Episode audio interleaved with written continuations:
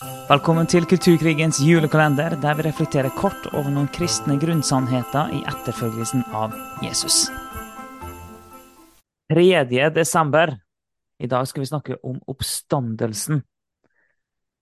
Og oppstandelsen er, er faktisk helt fundamental for vår kristne tro. Og det er ikke noe jeg bare har funnet på nå, det er det, det, er det faktisk Paulus sjøl som, som sier. Eh, vi hopper rett inn i noe som, eh, som, eh, som Paulus sa i 1. Korinterbrev 15. Så sier han at dersom det ikke er noe oppstandelse fra de døde, da er heller ikke Kristus reist opp. Men er Kristus ikke reist opp, da er vår forkynnelse ingenting, og den tro dere har, er intet. Da blir vi stående som falske vitner om Gud. Og så står det videre ting om, det, om oppstandelsen. da. Men poenget er at om det ikke er oppstandelse fra døde, da har heller ikke Kristus stått opp. Men er Kristus ikke reist opp, da er vår forkynnelse ingenting, og den tro dere har, er intet.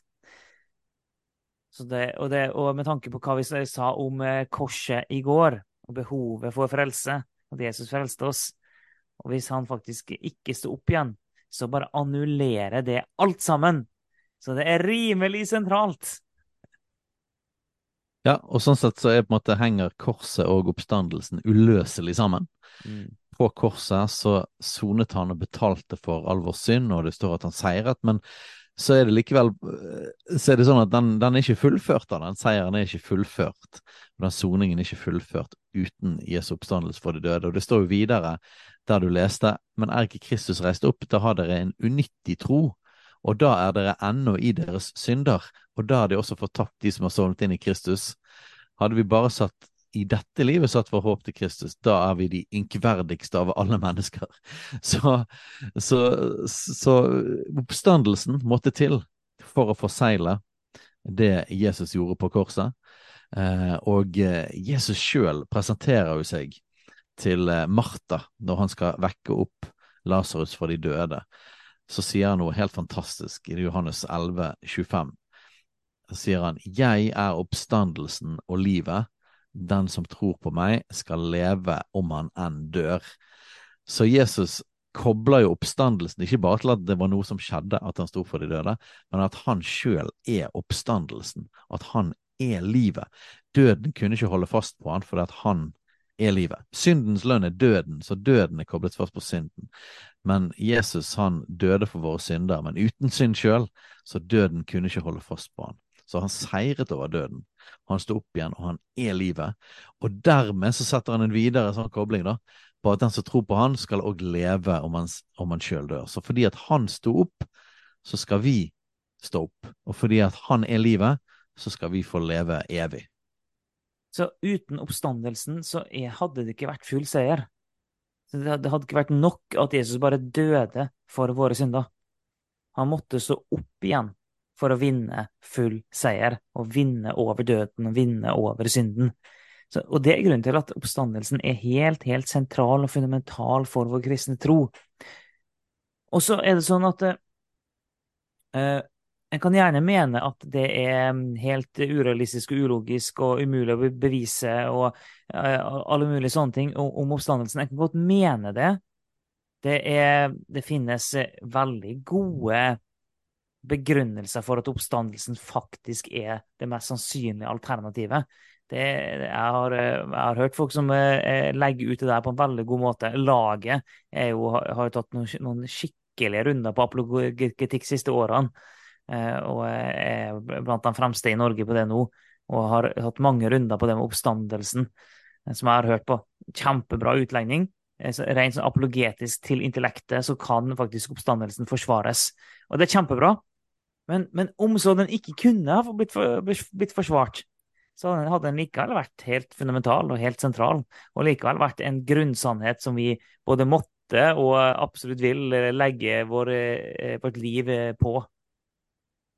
Ja, de første, de første apostlene de, de beskrev jo seg sjøl som å være vitner om Jesu oppstandelse. Og, eh, og, man ser i forkynnelsen av evangeliet, så blir nettopp det at Jesus sto opp igjen fra de døde, eh, blir poengtert veldig tydelig og kraftig. Både til jødene, men òg når, når eh, Paulus forkynner til grekere i Aten på Areopagos, så kommer han inn på oppstandelsen, og det er fryktelig støtende og vanskelig for dem. Um, så dette med Jesu oppstandelse fra de døde, og at vi dermed òg skal stå opp igjen, det er et veldig viktig budskap gjennom Det nye testamentet. Så for det første var det som vi har sagt, det var liksom forseglingen og på en måte del to av det Jesus gjorde på korset, og essensielt i så måte. Men så er det òg en proklamasjon av Jesus' seier, at Jesus er herre, at han er konge, eh, og at han er livet. Og at uh, vi nå kan si det at vi tror ikke bare på en Jesus som døde, vi tror på en Jesus som sto opp og lever i dag. Vi kjenner han i dag, han lever i dag, han er livet. Og, og på grunn av at han skal stå opp, så skal vi òg stå opp. Og det står det òg masse om det i Nytestamentet. At vi skal en gang stå opp fra de døde. Det, det så et, viktig sak. Ja, ja, og det er, jo, det, det er, jo, et symbol på håpet om det evige livet òg. Eh, det, det, at han står opp, og det, at han står opp, betyr at vi skal aldri dø. Så det, det, er et, det, er et, bilde på at vi skal leve evig sammen med han. Så fordi at han har stått opp og leve evig, så skal vi stå opp og leve evig. Um, så 1. Peter 1,3.: Lovet være Gud, vår Herre Jesu Kristi Far, som etter sin store miskunn har gjenfødt oss til et levende håp ved Jesu Kristi oppstandelse fra de døde. Så jeg syns det er interessant hvordan mange bibelvers på en måte beskriver det Jesus gjorde gjennom korset. Eh, og så andre vers beskriver på en måte noe av akkurat det samme gjennom oppstandelsen fra de døde. Og, det, og mm. da, da, er ikke det sånn at ja, men hva var det det ene eller det andre? Tror vi på korsfastelsen eller oppstandelsen? Nei, vi tror på begge deler, og at de er uløselig sammenkoblet. De to, to ekstremt viktige sider av uh, den kristne tro. Uh, og en gang så skal vi stå opp. Jeg tar uh, bibelvers til her. Johannes 6, 40, For dette er min fars vilje, at hver den som ser Sønnen og tror på Han, skal ha evig liv, og jeg skal reise ham opp på den siste dag. Så, så uh, løftet om at vi en gang, vi som tror på han, skal stå opp fra de døde, er ekstremt viktig. Og, uh, og det finnes òg bibler som sier at den som, den som, tror på han, skal stå opp til, til, livet, mens de som ikke tror, skal stå opp til dom. Mm. Eh, og da kommer vi inn på det som har med dommen eh, og dommens dag, og det skal vi komme litt inn på seinere, både evig fortapelse og evig liv. Men oppstandelsen har en sånn tydelig kobling til det. Men dom og frelse det er relevant, for det, det, det får meg bare til å tenke på, på Romerbrevet 10,9. Eh, når det står om at For hvis du med din munn bekjenner at Jesus er Herre, og i ditt hjerte tror at Gud har oppreist han fra de døde, da skal du bli frelst. Ja. Så du, du bekjenner at Jesus er Herre, og så tror du i ditt hjerte at Gud har reist han opp fra de døde, da skal du bli frelst.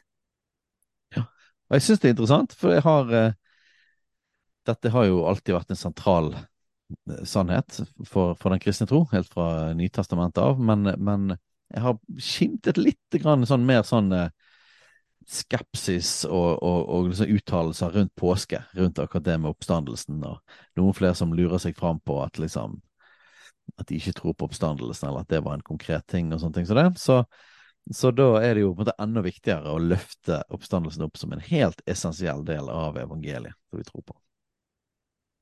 Yes. Det var oppstandelsen på noen få minutter.